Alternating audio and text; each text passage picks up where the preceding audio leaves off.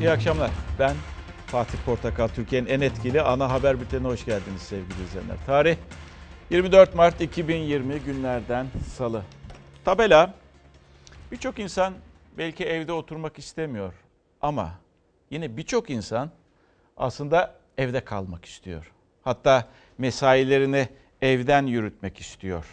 Öyle de çok sayıda yurttaş var ülkede. Sadece ülkede değil dünyada bahsediyor. Yani ah diyor keşke mesaimi evden yürütebilsem. Tabela mesaime mesaim evde olsa. Tabela mesaim evde olsa. Hem de bir taraftan evi de özendirici, evde oturmayı da evde kalmayı da özendirici bir tabela olsun dedik. Ama gerçek payı da çok fazla. Mesela bizim şirkette de aynı şekilde Ee, birçok insan mesaisini dışarıdan getiriyor. Ee, ama birçok insan da yine aynı şekilde ah yine benim mesaimde mesela evden idare etsem deniyor. Yukarıda reji ekibi var. Onlar mesela reji ekibi televizyonların en önemli bölümlerinden bir tanesi şu anda. Çünkü estağfurullah rica ederim. Çünkü onlar e, bir arada, dar bir yerde ve bir arada çalışmak zorundalar. Servercısı var, sesçisi var, ışıkçısı oradan var. Benim size görüntü iletmemi, teknik yönetmemi, yön, teknik yönetmen orada, yönetmen orada, aşağıdan editör arkadaşımız orada, haber müdür arkadaşımız orada. Kalabalık bir ekip. 10 kişi aynı ortamda ve bu özverili yayını da, özverili çalışmayı da gösteriyorlar. Bir kez daha onlar için ee, onlara çok teşekkür ediyorum sizin huzurunuzda. İyi ki varsınız arkadaşlar dedikten sonra korona ile başlıyoruz. Gündemimiz zaten o ama buçukta reklam arası vereceğiz. Dizimiz var. Ee, baraj dizisi. Reklamdan sonra devam edeceğiz. Saat 8'e kadar süreceğiz. 8'de de baraj dizisi ekranlara gelecek. Ve korona e, güncesi nasıl diyeceksiniz? Artık bakana kilitlendik. Çünkü bakandan bilgileri öğreniyoruz. Yani akşam belli bir saatten sonra açıklamalar yapılıyor. Gece 11'den sonra herkes sosyal medyasının başında ve bakanın ne diyeceğini, nasıl tweet atacağına bakıyor. Yani Fahrettin Koca'nın zaman zaman da e, televizyonlara çıkıyor, bilgilendirme yapıyor. Kimisi doğru buluyor, kimisi daha sık bilgilendirmek isteriz açıkçası diyor. 37 e, kişi hayatını kaybetti korona e, virüsünden.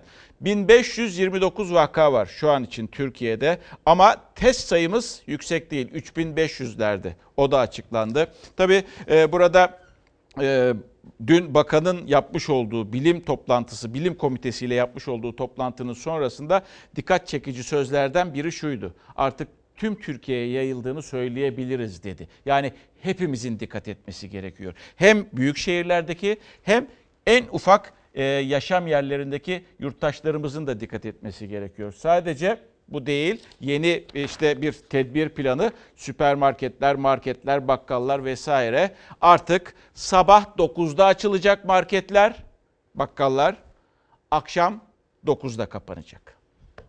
Yaygın olarak şu an Türkiye'de sadece bir bölgeye lokalize değil, ülkenin genelinde e, neredeyse genelinde olan e, pozitif gördüğümüz vakaların olduğunu biliyoruz. Tüm Türkiye'ye e, yayıldığını söyleyebilirim. Belli bir şehir ya da bölge değil. Koronavirüs Türkiye'nin geneline yayıldı. 293 yeni teşhis kondu. Toplam vaka sayısı 1529'a, hayatını kaybedenlerin sayısı ise 37'ye yükseldi. Baştan vakaların hepsi yurt dışı ağırlıklı idi. Ama artık yurt dışı temaslı, temaslının temaslısı olmaya başladı. Ve giderek son günlerde daha çok temaslının temaslısı anlamında giderek hastanın arttığını söyleyebilirim.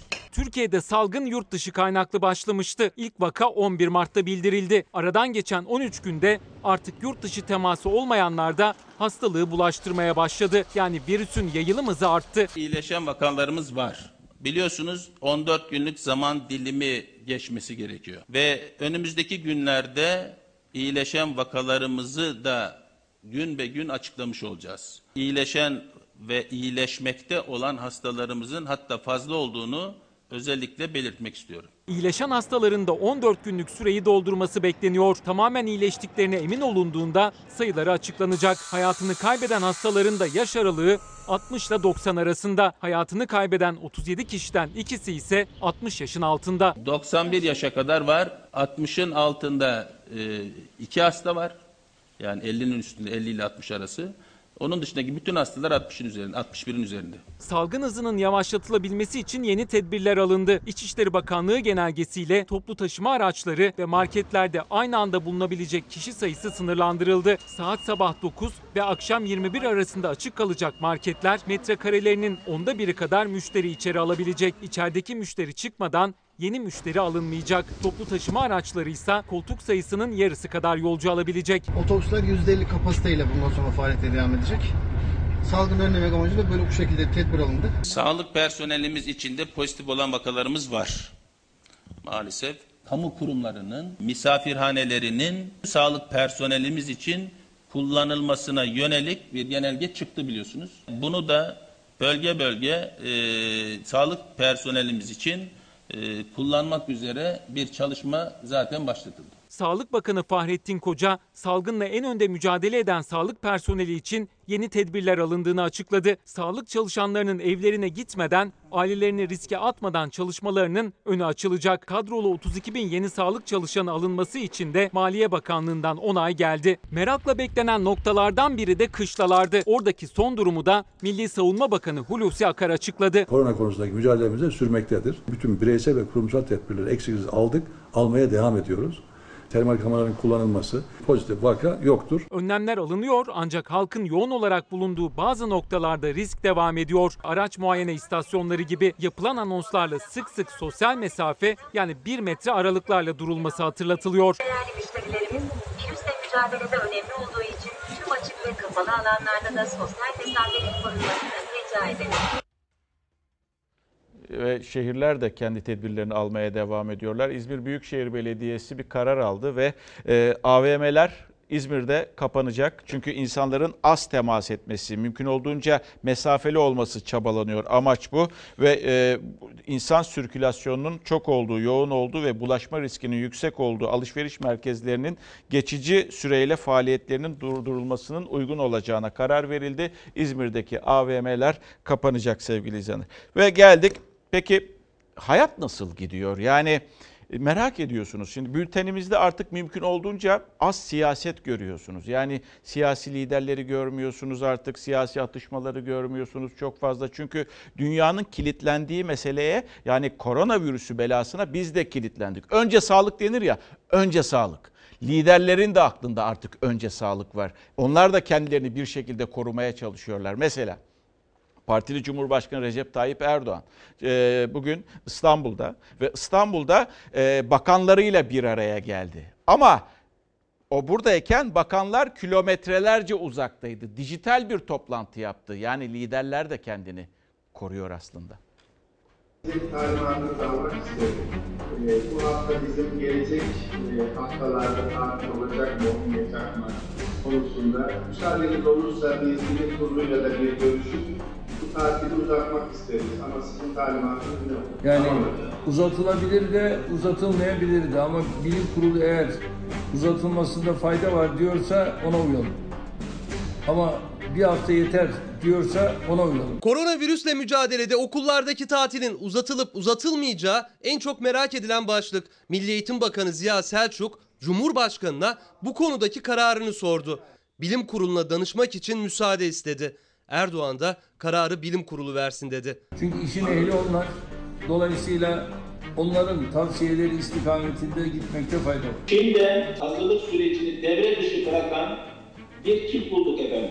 50 bin hızlı PCR kiti geliyor. Bağlantı yaptık parasını ödedik. Cumhurbaşkanı Erdoğan İstanbul'da koronavirüsle ilgili alınan tedbirleri, yapılan çalışmaları evinden, çalışma ofisinden takip ediyor. Bakanlar ve yardımcısıyla yaptığı telekonferans toplantısını da sosyal medyadan paylaştı. Virüs fırsatçılarına tepkiliydi. Temizliği içinde de bu ürünleri fahiş fiyatlarla satanlara da bu işin hesabını kesinlikle sorarız. Koronavirüs salgını sonrası elektrik, doğalgaz ve su gibi temel tüketim gerektiren konularda kesinti yapılmaması, ücret alınmaması talepler arasında. Cumhurbaşkanı yardımcısı Fuat Oktay'a talimat verdi. Enerjide ise günlük ödemelerin ertelenmesi hususunda yani bu konuyu masaya yatırmanızda da fayda olur. Doğalgaz ve elektriğin kapanması gibi bir şeyin içerisine takdir edersiniz ki biz çok da zor günler yaşadık. Böyle bir şeye girmedik. İçişleri Bakanı da sokağa çıkma kısıtlamaları ile ilgili bilgi verdi Cumhurbaşkanı'na. 15 büyük şehirde toplu taşımada %80 düşüş olduğunu paylaştı. Kültür ve Turizm Bakanı Mehmet Ersoy turizmdeki durumu. Kısa zamanda başarıyla atlatırsak ondan sonra önümüz yine açılacak hiç merak etmeyin. Cumhurbaşkanı Erdoğan İstanbul İl Teşkilatı'na da telekonferansla seslendi. Hastalığın bulaşma hızını ne kadar çabuk kesersek, nitekim bazı bilim kurulu üyelerimiz biliyorsunuz bir hafta içerisinde bunu çözmenin şu anda çok büyük önem arz ettiğini söylüyorlar. Bir hafta içerisinde koronavirüsünün çözülebileceği. Bir hafta içerisinde çözülmesinin çok önemli olduğunu söylüyor kurul üye- üyeleri, bilim kurulu üyeleri. Bir hafta içerisinde. Yani onu umuyoruz zaten. Şimdi işte bakın bunlar oluyorken e, evet tedbirler alınıyor, itirazımız yok. Tabii ki alınması gerekiyor ama diğer taraftan bakın bilim kurulu da bir hafta çok önemli diyor. Cumhurbaşkanı bunu söylüyor. E peki biz en azından şöyle bir haftalık böyle bir evde kalıcılığı sıkı bir önlemle alsaydık, insanları sokaktan iyice bir çekseydik evlerine daha etkili sonuç alamaz mıydık? Hastalığın yayılmasının önüne geçmek açısından Ee, sağlıkçılar da rahatlardı, hastaneler de rahatlardı. Ee, daha iyi olmaz mıydı? Tabii bunun kararını yönetenler verecek. Okul meselesi çok açılacağını düşünmüyoruz. Bunun açıklaması herhalde önümüzdeki günlerde yapılacak. Çünkü bir haftadan bahsediyorlar, önemli kritik olduğundan bahsediyorlar. Ve geldik bakınız e, bu hastalık yani bu virüs, bu, bugünkü ismi korona, yarın belki başka bir virüs e, musallat olacak insanlığın başına. Ama korona virüsüyle mücadele ediyoruz. Ne makam dinliyor, ne para pul dinliyor, ne şöhret, şan şöhret dinliyor. Buna herkes, hepimiz yakalanabiliriz. Bu virüsü içimize alabiliriz. Mesela Fatih Terim dün akşam e, sosyal medyadan e, duyurdu kendisinin koronavirüs taşıdığını e, ve paylaştı bunu kendisini takip edenlerle. Bırakın kendisini takip edenlerle Türkiye ile paylaştı ve o kısacık e, tweetinde şöyle diyordu. Bir bölümünü aldım sizinle paylaşıyorum. Koronavirüs sonucum pozitif çıktı. Ya benim çocuklarımın canı neden önemli değil ya?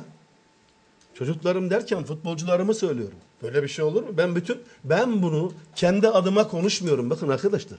Ligin ertelenmeyip maçların sadece seyircisiz oynanması kararına bu sözlerle tepki göstermiş ve adeta her bir kelimeye vurgu yapa yapa çağrı yapmıştı Fatih Terim. Günler sonra koronavirüs testi yaptırdı ve sonuç pozitif çıktı. Ünlü teknik adam karantinada. Bizzat sosyal medya hesabından duyurdu. Bugün yapılan test sonuçlarına göre koronavirüs sonucum pozitif çıkmıştır. Hastanede emin ellerdeyim. Merak etmeyin en kısa zamanda haberleşmek üzere. Ben olmazsam oyun olmaz. Futbolcu olmazsa oyun yine olmaz. Hakem olmazsa bu maç idare edilemez. Seyircisiz oynanan Beşiktaş maçının ardından Galatasaray Teknik Direktörü Fatih Terim basın toplantısında maçtan çok koronavirüsle ilgili konuşup tedbirler konusunda futbol camiasının yöneticilerini eleştirmişti. Seyircili oynanan bir spor dalını seyircisiz ve risk altında oynatıyorsunuz. Hangi bilimsel yaklaşım ve tedbirle oynatıyorsunuz? Beraberlikten, puan kaybından mağda konuşuyorum. Terim'in o gün bu sözleri maç sonucuna yorulmuştu bazı kesimler tarafından ancak 66 yaşındaki deneyimli teknik direktör Covid-19 testinin pozitif çıktığını açıkladı. Hastanede emin ellerdeyim. Merak etmeyin en kısa zamanda haberleşmek üzere. Sağlığımız söz konusu, hayatımız söz konusu. Hatta sizlerin. Bir tanemizden bir şey çıkarsa hepimiz karantinaya gideceğiz. Buradaki top toplayıcı çocuklar da.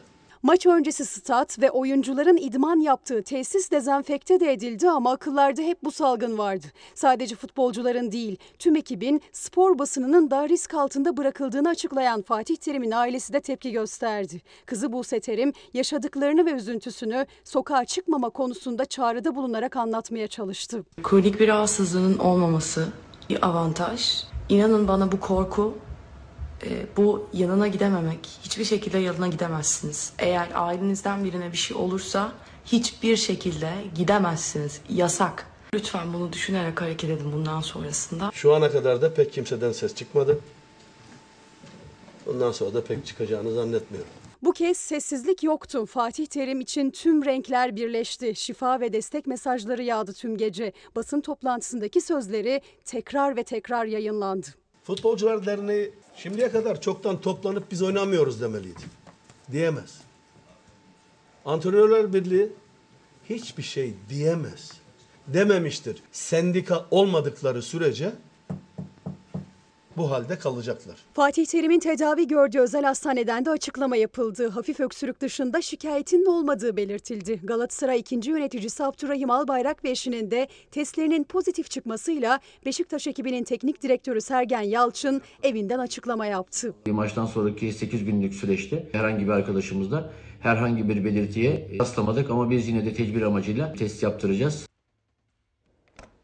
Tabii hocaya geçmiş olsun. Herkese geçmiş olsun koronavirüs taşıyan. Tabii böyle simge isimleri duyduğunuzda onu diyorsunuz ya önce sağlık. Düşünebiliyor musunuz? Şimdi Fatih Hoca'nın zaten o günkü bir hafta önceki o röportajını dinlediğinizde sesinde de bir soğuk algınlığının olduğunu hissediyorsunuz. Demek istediğim başka bir şey aslında. Ne kadar büyük bir korku. Yani ailesi korkuyor, eşi korkuyor, bulaşmış mıdır, yok mudur? O dediği gibi yardımcı antrenörler, antrenörler, çevresi, futbolcular, o toplantıya katılan gazeteciler, kameramanlar. Yani nasıl tetikliyor? İşte bunun yayılmasının önüne geçmek gerekiyordu.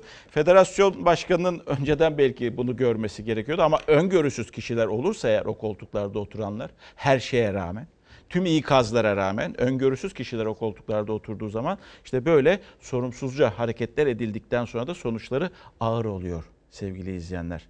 Siz bas bas bağırıyorsunuz temastan uzak olun diye ama federasyon o kararı alamıyor. Ha diyor ya herkes yeni bir düzen oluşacak belki de hocanın dediği doğru. Belki de o sendikalaşma hayatımıza girecek e, engellemeden. Futbolda da böyle olacak belki ama sarı sendikalardan bahsetmiyoruz. İşini adam gibi yapan, iktidarlar karşısında çataçat pazarlığını yapabilen, çalışanın hakkını koruyabilen sendikalardan, patrona karşı da direnen e, sendikalardan bahsediyoruz. Belki yeni dünya düzeni böyle olacak. Herkese geçmiş olsun. Heh, Beşiktaş'la ilgili test yapıldı. E, resmi açıklama değil e, negatif sonuçların negatif çıktığı e, söyleniyor. Yani sevindirici bir haber çıktı. En azından o haberi paylaşalım sizlerle. Ve siyasetin gündeminde ne var? Türkiye Büyük Millet Meclisi çünkü açık ve açık olan Türkiye Büyük Millet Meclisi'nde aslında önümüzdeki günlerde daha da fazla tartışacağız bunu. Salgın seyri neticede mutlaka azalacak ve onun yerine ekonomiyi konuşacağız. Ama meclis şimdiden ekonomiyi konuşuyor. Herkes kendi olağanüstü halini ilan edebilir. Bunun illa devletin ilan etmesi gerekmiyor. Bilim kurulunu çok dinlemiyor. Bilim kurulu sokağa çıkmayı kısıtlama yönünün başta olmak üzere daha radikal tedbirler istediği yönünde hükümete raporlar sunuyor. Hükümet neyi bekliyor merak ediyoruz. Sokağa çıkma yasağı da alınan ekonomik tedbirler de meclisin gündemine taşındı. Muhalefet özellikle ekonomik tedbirler yetersiz derken sesler yükseldi. Damat Bey'in getirdiği ekonomik istikrar kalkanı paketin 100 milyarlık bir pakettendi. 98 milyarı sermayeye gidiyor. Yoksullara ne var arkadaşlar? 65 yaş üstündekilere yalnızca kolonya barındıran bir paket var. Kolonya.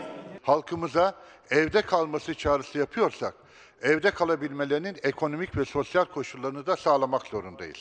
Özel sektöre de izin verilmeli. İnşaat işçileri, tekstil işçileri de evde kalması sağlanmalıdır. CHP salgınla mücadelenin ekonomik sosyal tedbirleri için 22 yasa teklifini meclise sunarken HDP virüsle mücadele günlerinde HDP'li 8 belediyeye kayyum atanmasını gündeme taşıdı. AK Parti ile karşı karşıya geldi. Koronavirüsüne karşı mücadele eden belediyeleri e, görevinden uzaklaştıran İçişleri Bakanlığı ve iktidarın kafasına ne virüsü kaçmıştır Allah aşkına? Partimizi Kürt düşmanlığıyla itham etmenin doğru olmadığı kanaatindeyim. Bunu kabul etmiyoruz. Mecliste tansiyon bir yükseldi bir düştü. CHP lideri Kemal Kılıçdaroğlu ise yine video konferans yöntemiyle büyük şehirler dışında kalan CHP'li belediyelerin başkanlarıyla görüştü. Bu kez talimatlarına 65 yaş üstüne hassas davranılmasını da ekledi.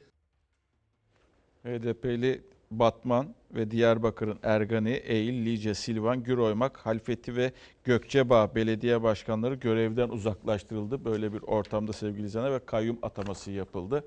Tabi bu arada HDP'nin de bir ekonomik planı var.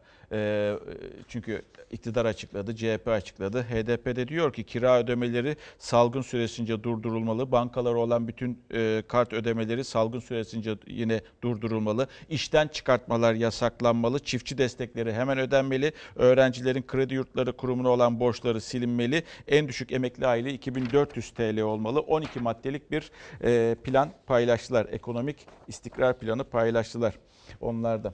Onlara da baktığımızda e, yurttaşla alakalı e, maddeler çok fazla zaten.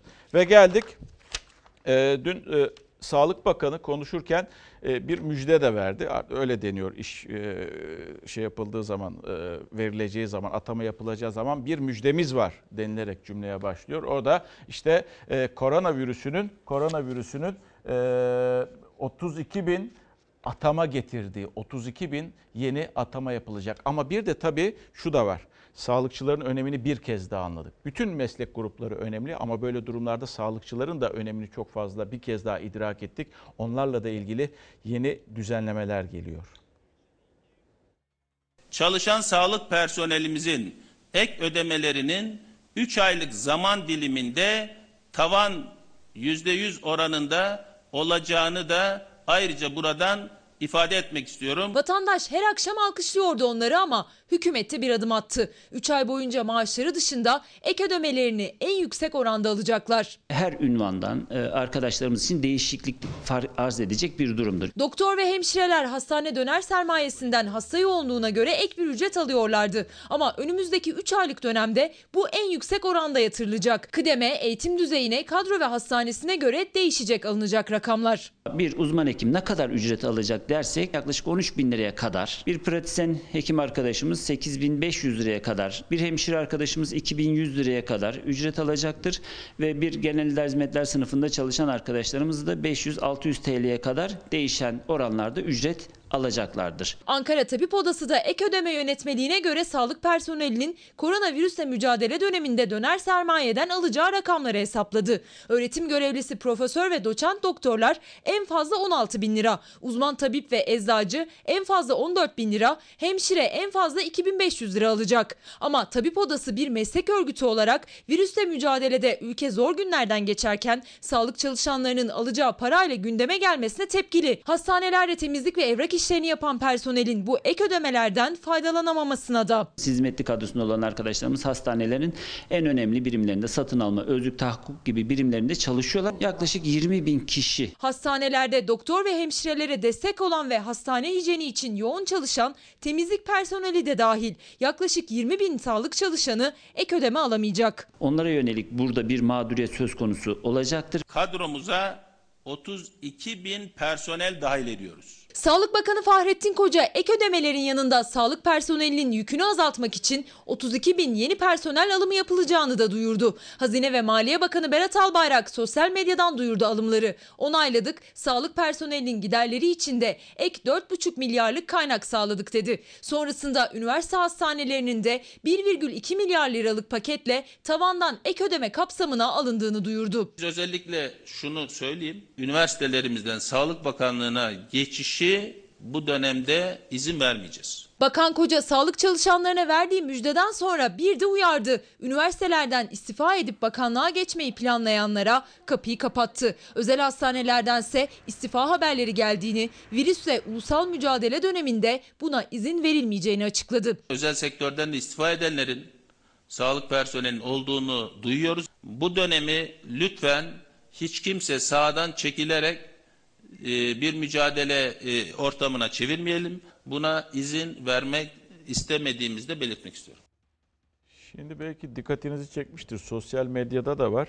Ee, Sağlık Emekçileri Sendikası SES de bir açıklama yaptı. Sağlık Bakanı belki önümüzdeki günlerde bu iddiaya da yanıt vermesi gerekiyor. Sosyal medyada da çünkü bu yer aldı. Ee, yer almakta. Türkiye'de küresel salgın eylem planı uygulanmıyor tam anlamıyla diyor ses. Buna dikkat çekiyor. Bu plansızlık sağlık çalışanlarının ekipman sıkıntısı yaşamasına da neden oluyor. E, sosyal medyada çok da fazla yer alıyor bu. En azından e, bu soru işaretlerini bir dahaki basın toplantısını artık ne zaman yapar bilemiyorum Sayın Bakan ama bu e, ekipman sıkıntısını çünkü eldiven bulamıyoruz diyorlar, maske bulamıyoruz diyorlar. Sağlık çalışanları eğer e, bilgilendirme yaparsa toplumu seviniriz. Ve geldik e, e, şimdi biz biz e, koronavirüsünü konuşuyoruz. Şu an için bunu konuşacağız. Yarın da bunu konuşacağız. Belli bir süre daha bunu konuşacağız. Ama peşinden bir sorun getirecek. Nedir o sorun? Aslında ekonomik krizden bahsediyorum. Dünyanın dünyanın içinde bulunduğu ekonomik krizden bahsediyorum. Ha birinci sıraya şeyi koyduk tabii. Önce sağlığı koyduk ama bunlar bittikten sonra bu sefer de biz geçim derdini konuşmaya başlayacağız. İşte uyarıyor yine. Sendikalar uyarıyor, e, işçi temsilcileri uyarıyor. Diyorlar ki uzmanlar uyarıyor. Koronanın sonrası işsizlik salgını olmasın Türkiye için. Burada tek tek hep birlikte mücadele edilmesi gereken bir dönemdeyiz. Yani herkes kendi olağanüstü halini ilan edebilir. Beni bu değil de beni sonrası korkutuyor. Sağlık Bakanı kişisel o hal çağrısında bulundu. Gençlere seslendi, hayatınızı yavaşlatın dedi. Ama hem fabrikalardan gelen görüntüler hem de ekonomik darlık vatandaşı zorluyor. Salgının süresi belirsiz. Sağlık için evinde oturan çalışanlarsa koronavirüs salgınının işsizlik salgınına dönüşmesinden korkuyor. Ekonomiler çöktükten sonra bu kadar işletmeler kapandıktan sonra bence bu koronadan çok daha vahim bir durum yani. Eğlence yerleri, tiyatro, sinema, konser salonları, gösteri merkezleri, lokanta, kafe, gazino, kahvehaneler, oyun salonları, spor merkezleri. 150 bine yakın iş yeri İçişleri Bakanlığı'nın genelgesiyle çalışmaya ara verdi. Genelgeye tabi olmayıp kapısına kilit vuranlar da oldu. Yüz binlerce çalışan evde sağlığını korumaya çalışıyor ama endişeyle. Çünkü birçoğu ücretsiz izne çıkarıldı ve salgın uzarsa ekonomik güçlük başlayacak. Bu bir şekilde bitecek. Her şeyin bittiği gibi bir şekilde bu da duracak. Ama bundan sonraki gelecek ekonomik çözümü ne yapacağız? Türkiye'de örgüsüz olan 13 milyona yakın hizmet sektöründe çalışan insanlar var. İşverenlerimiz de özellikle bugünlerde bu süreçte işçi çıkartmasın. 20 sene yanında çalışan işçiye 20 gün cebinden ücretini ödese ne olur ki? Yani dünyanın sonu mu gelir? Ücretsiz izinleri gündeme getiriyor. İşten çıkartmalar başladı. İşten çıkartmalar yasaklanmalı. Ücretsiz izin asla düşünülmemeli. Bütün çalışanlar açısından Peki. e, ücretin güvencesini devlet sağlamalı. Sendika temsilcileri işçi mağduriyetlerinin giderilmesi için devletin kaynak ayırması gerektiğini savundu. Avrupa ve özellikle Kanada'da olduğu gibi. Kanada Başbakanı 83 milyar dolarlık bütçe ayrıldığını ifade etmişti. Çalışanlar da evde kaldıkları süre boyunca maaşlarını almayı sürdürecek. Türkiye'de ise önlemler banka kredilerinin ertelenmesinden öteye geçmedi.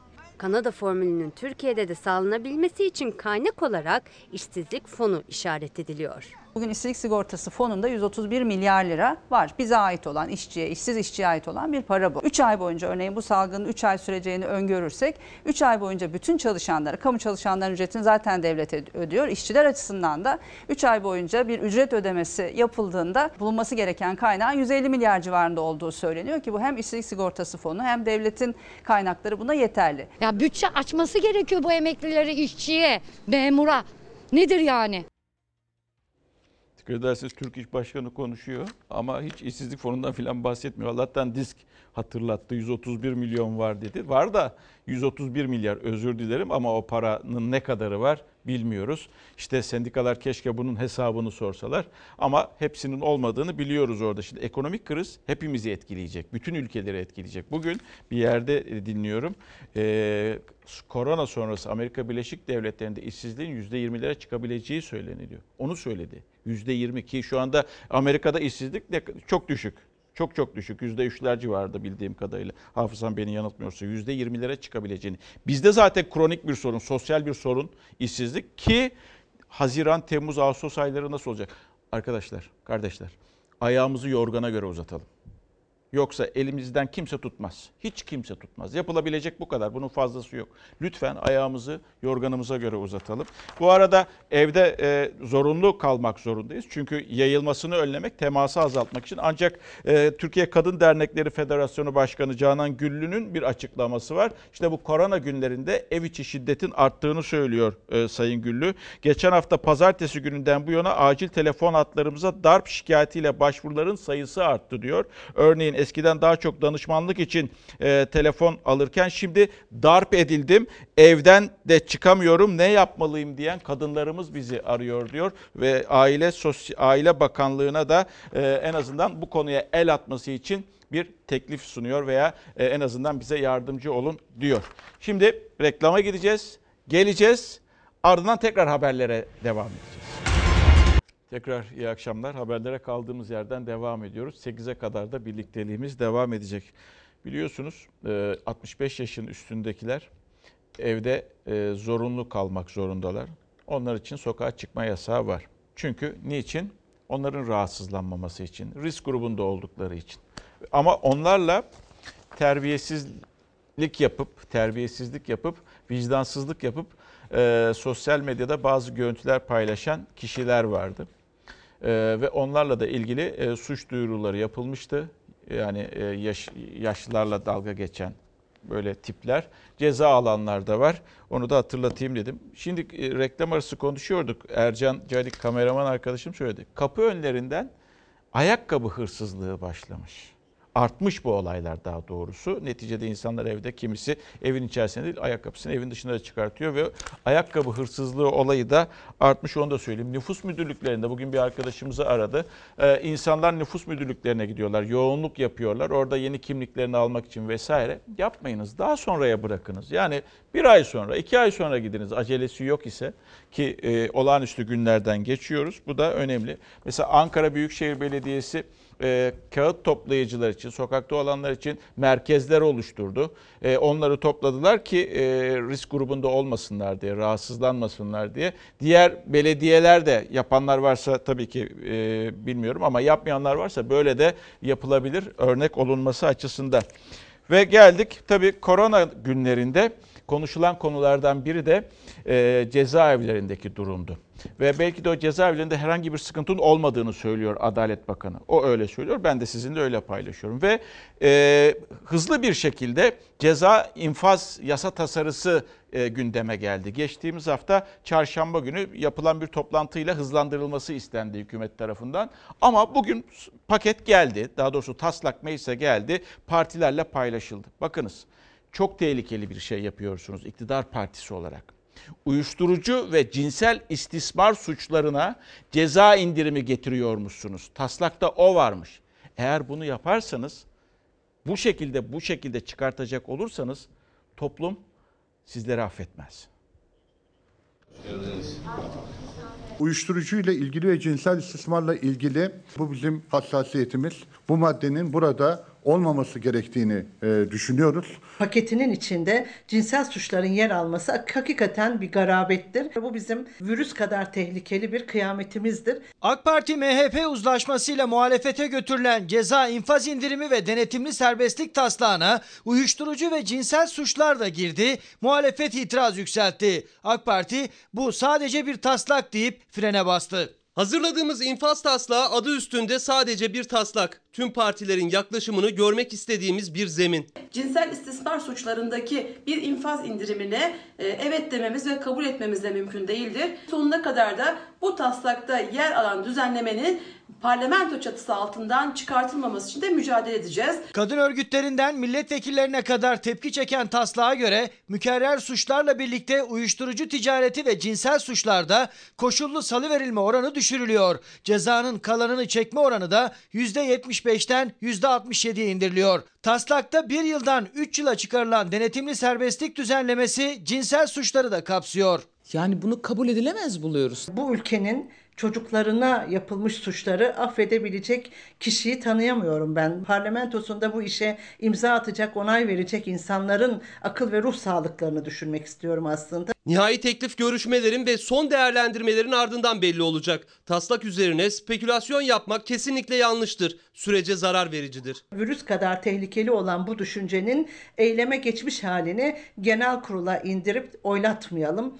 Çocuklara istismarı affetme devlet yetkisinde değildir. AK Parti infaz indirim taslağında uzlaşma için muhalefet turundaydı. Önce CHP'nin ardından İyi Parti ve HDP'nin kapısını çaldı. Bu haliyle değiştirilmeden geçerse 70 bin civarında kişi e, yararlanacak. Eğer farklılaştırılırsa bu 35 bin 40 bine e, kadar da düşebilir. AK Parti'nin ilettiği taslağa göre uyuşturucu ve cinsel istismar dışında indirime girecek hırsızlık, gasp, yağma ve diğer suçlarda koşullu salıverilme oranı 1 bölü 2'ye indiriliyor.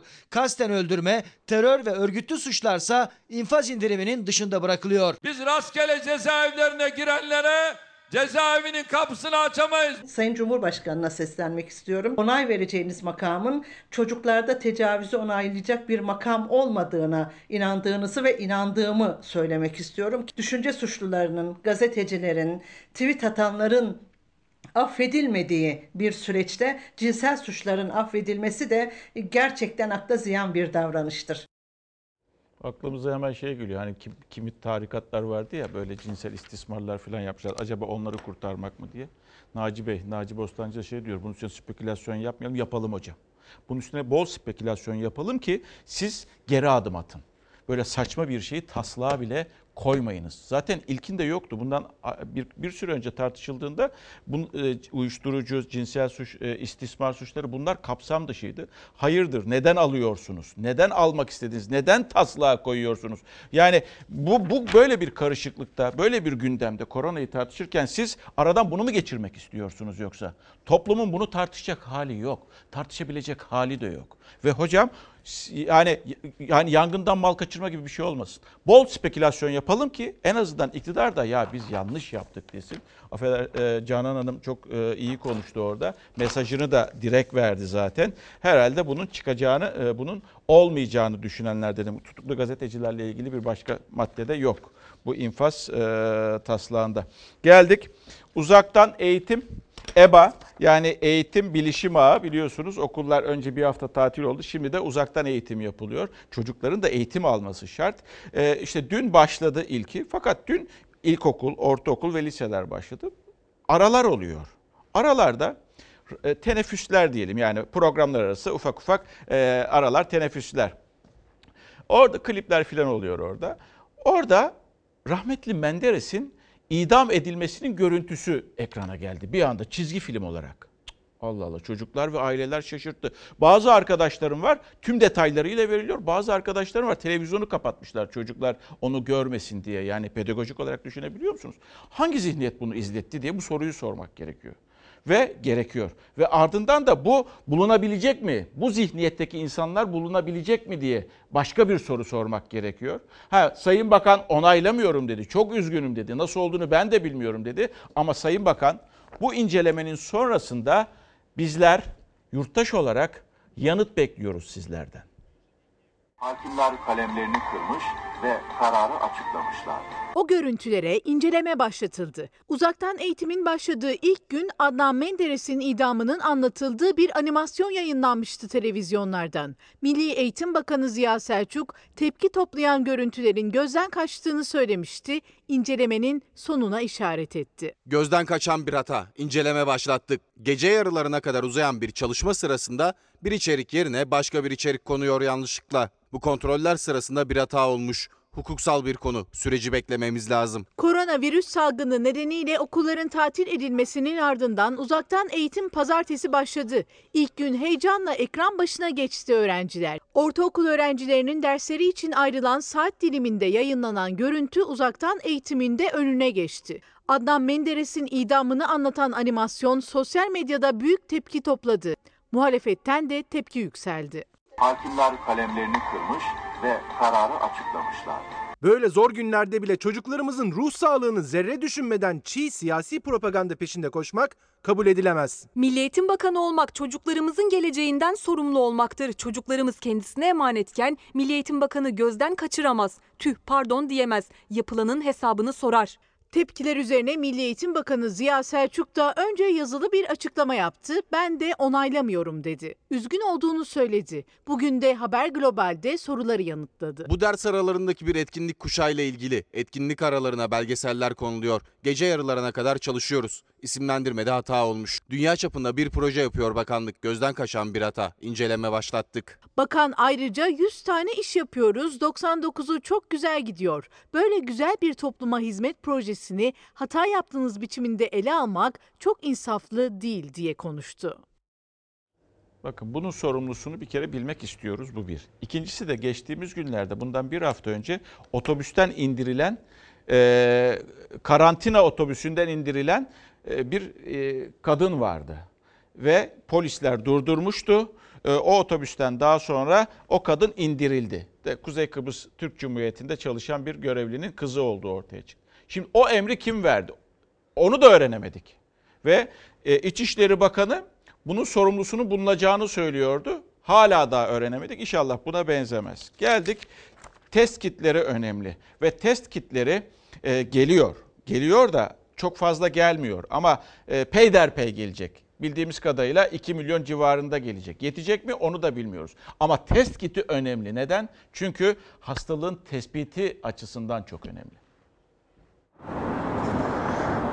Vaka sayısı artıyor. Enfekte olan hastalar test yapıldıkça ortaya çıkıyor. Koronavirüsü tespit etmenin, hastalığın yayılmasının önüne geçmenin en önemli yolu çok sayıda test yapmak. Ancak Türkiye'de yeterli test olup olmadığı konusunda tartışmalar sürüyor. Bu hafta ve önümüzdeki haftadan itibaren bu antikoru bak antikoru ölçen hastanın kanından çalıştığımız testlerin daha yaygın bir şekilde Türkiye'de kullanıma girmesini bekliyoruz. Tanı koymada büyük bir avantaj olacak. Aslında Türkiye'de test üretimi yapan firmalar var ama üretim kapasiteleri sınırlı. Bir de burundan ve boğazdan alınan örneklerle yapılan bu 3 aşamalı moleküler testler yaklaşık 2,5 saatte sonuç veriyor. Yetişmiş eleman ve teknik cihaz gerektiren, o yüzden de sadece büyük merkezlerde çalışabilen ve topluca çok fazla sayıda da çalışılamayacak olan bir test bu. Bunun biraz daha hızlandırılmış olanı ve çok fazla sayıda kişiden alınan örnekleri bir arada otomatize olarak çalışabilecek olan hızlı moleküler tanı testi de var.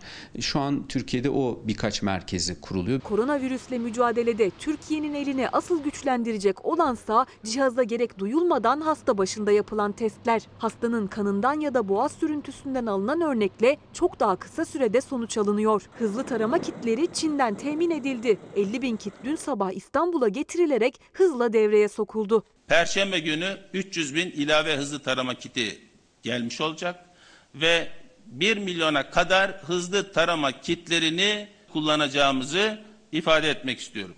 Herkes diken üstünde en küçük bir semptom gösteren acaba virüs mü kaptım endişesi yaşıyor. Öğrenmenin yoluysa test yaptırmaktan geçiyor. Testler ücretsiz. Ancak o testleri yaptırabilmek için uzun kuyruğa ve kalabalığın arasına girmek gerekiyor. İşte Bakırköy Sadi Konuk Eğitim ve Araştırma Hastanesi'nde Çin'den gelen testler getirildiğinden beri yani iki gündür uzun kuyruklar oluşuyor. Bazı özel hastanelerse yaşanan sağlık krizini fırsata çevirme derdine düştü. İddiaya göre fahiş fiyatlarla test yapıyorlar. Ücretsiz yapılması gereken testlere 2000 lira fiyat biçiyorlar. İstanbul'da bazı kurumların yüksek ücretlerle bu testleri yaptığına ilişkin de bilgilerimiz var. Yapmayın ya. Biz hiçbir şekilde hiçbir kitten, hiçbir laboratuvar testinden ücret almıyoruz, almayacağız, alanlara da izin vermeyeceğiz. Test yaptırmak herkesin içini rahatlatıyor ama her şüphe duyana da test yapılması mümkün değil. Kaç tane tanıyı bir arada görürseniz evet bu gerçekten risk grubunda diyorsunuz. Çevresinde örneğin koronavirüs tanısı almış birisinin olması çok önemli. Böyle birisinin herhangi bir belirtisinin olması test yapmamız için yeterli. Ama çevresinde tanı almış kimse yoksa, kendisinin ya da çevresinden birisinin son 14 gün içinde yurt dışında bulunma öyküsü yoksa o zaman belirtilere daha dikkatli bakıyoruz. Koronavirüsten şüphelenmesi için hastanın bu semptomları taşıması gerekiyor. Mutlaka ateşle birlikte ya kuru öksürüğünün ya da nefes darlığının olması gerekiyor. Burun akıntısının olmaması gerekiyor. Koronavirüste nezle olmuyor çünkü ama burun akıntısı da yok. Ateşi var, kuru öksürüğü var. Hatta nefes darlığı da varsa o zaman şu an için bu testleri uygulamak gerekiyor. 1 milyon test kiti. Ee, Ben 2 milyon diye düşünmüştüm. 1 milyonmuş onu düzelteyim. Bu arada Çin'den test kiti ge- geliyor. Çin'den aynı zamanda ilaç da geldi. Özellikle yoğun bakım hastalarında kullanılmasının 11 günden 11 veya 12 günden 4 güne kadar düşürdüğüne dair bilgilerin olduğunu bildiğimiz ilaçla ilgili de yeterli miktarda Çin'den getirmiş olduk. Bu Japonya'da geliştirilmiş olan ve grip hastalığının tedavisinde influenza virüsüne karşı etkili olan bir ilaç aslında. Sağlık Bakanı koronavirüs vakalarında kullanılan Çin'de başarılı bulunan ilacın Çin'den getirildiğini duyurdu. İlaçla ilgili detayları, hastalar üzerindeki etkisini Koronavirüs Bilim Kurulu üyesi Alpay Azap paylaştı. Çin'deki çalışmalar az sayıda hastada olmakla beraber oldukça iyi sonuçları var. Favipravir etken maddenin ismi. Etkisinin şu an kullanmakta olduğumuz ilaçlardan biraz daha iyi olduğunu biliyoruz. Yoğun bakım şartlarında tedavisi devam eden hastalarımıza bugün itibariyle de başlandığını özellikle ifade etmek istiyorum. Çin'de 80'den fazla tedavi yaklaşımı denenmiş oldu hastalar üzerinde. Bu ilaç da onlardan sadece bir tanesi. Japonya'da geliştirilen ilacı ilk kez Çin koronavirüs taşıyan hastalarda kullandı. Türkiye Çin'le temasa geçti. Türkiye'de de kullanılmaya başlanması koronavirüsle mücadelede umut oldu. Sağlık Bakanı yoğun bakımdaki 11 günlük tedaviyi 4 güne indirdiğini duyurdu. Gelen ilaçların 40 şehre ulaştırıldığını. Bu ilaç aslında birinci basamak tedaviye rağmen durumunda iyileşme değil, tersine kötüye doğru bir gidiş olan hastalarda kullanılması gerekli bir ilaç. İlk basamakta daha az yan etkisi olan ve daha fazla tecrübe edinilen HIV tedavisinde kullanılan ilaç hastalara uygulanıyor. Bilim Kurulu üyesi Alpay Azap, ilk basamakta uygulanan tedaviye yanıt vermeyen hastalarda yeni ilacın denendiğini söyledi. Sonuçları takip edilecek. Bu ilacın ne kadar etkili olup olmadığını da görmüş olacağız. Türkiye'ye ulaşan kutu sayısı bin civarında. Ee, Ama ikinci basamak bir tedavi olduğu için yani her hastaya başlanacak bir tedavi olmadığı için epeyce bir süre bize yeteceğini düşünüyoruz. Çin'den, Japonya'dan, değişik yerlerden kullanılabilecek bazı ilaçlardan bahsediliyor. Bu ilaçlarla ilgili bizim kimyagerlerimiz, bizim doktorlarımız bunun muadilini yapabileceklerini ifade ettiler. Önümüzdeki günlerde inşallah bunu da başaracağız. Milli Savunma Bakanı Hulusi Akar da yerli ilaç için bakanlık bünyesinde ilaç çalışmalarının sürdüğünü açıkladı. Çin'den gelen ilacınsa koronavirüsle mücadelede ne kadar etkili olacağını zaman gösterecek.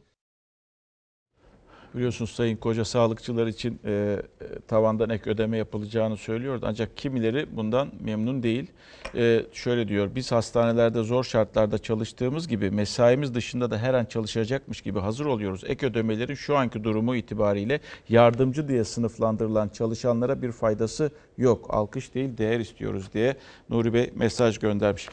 Ee, kapatıyoruz. Bizden hemen sonra Baraj dizisi var. Yeni dizi biliyorsunuz.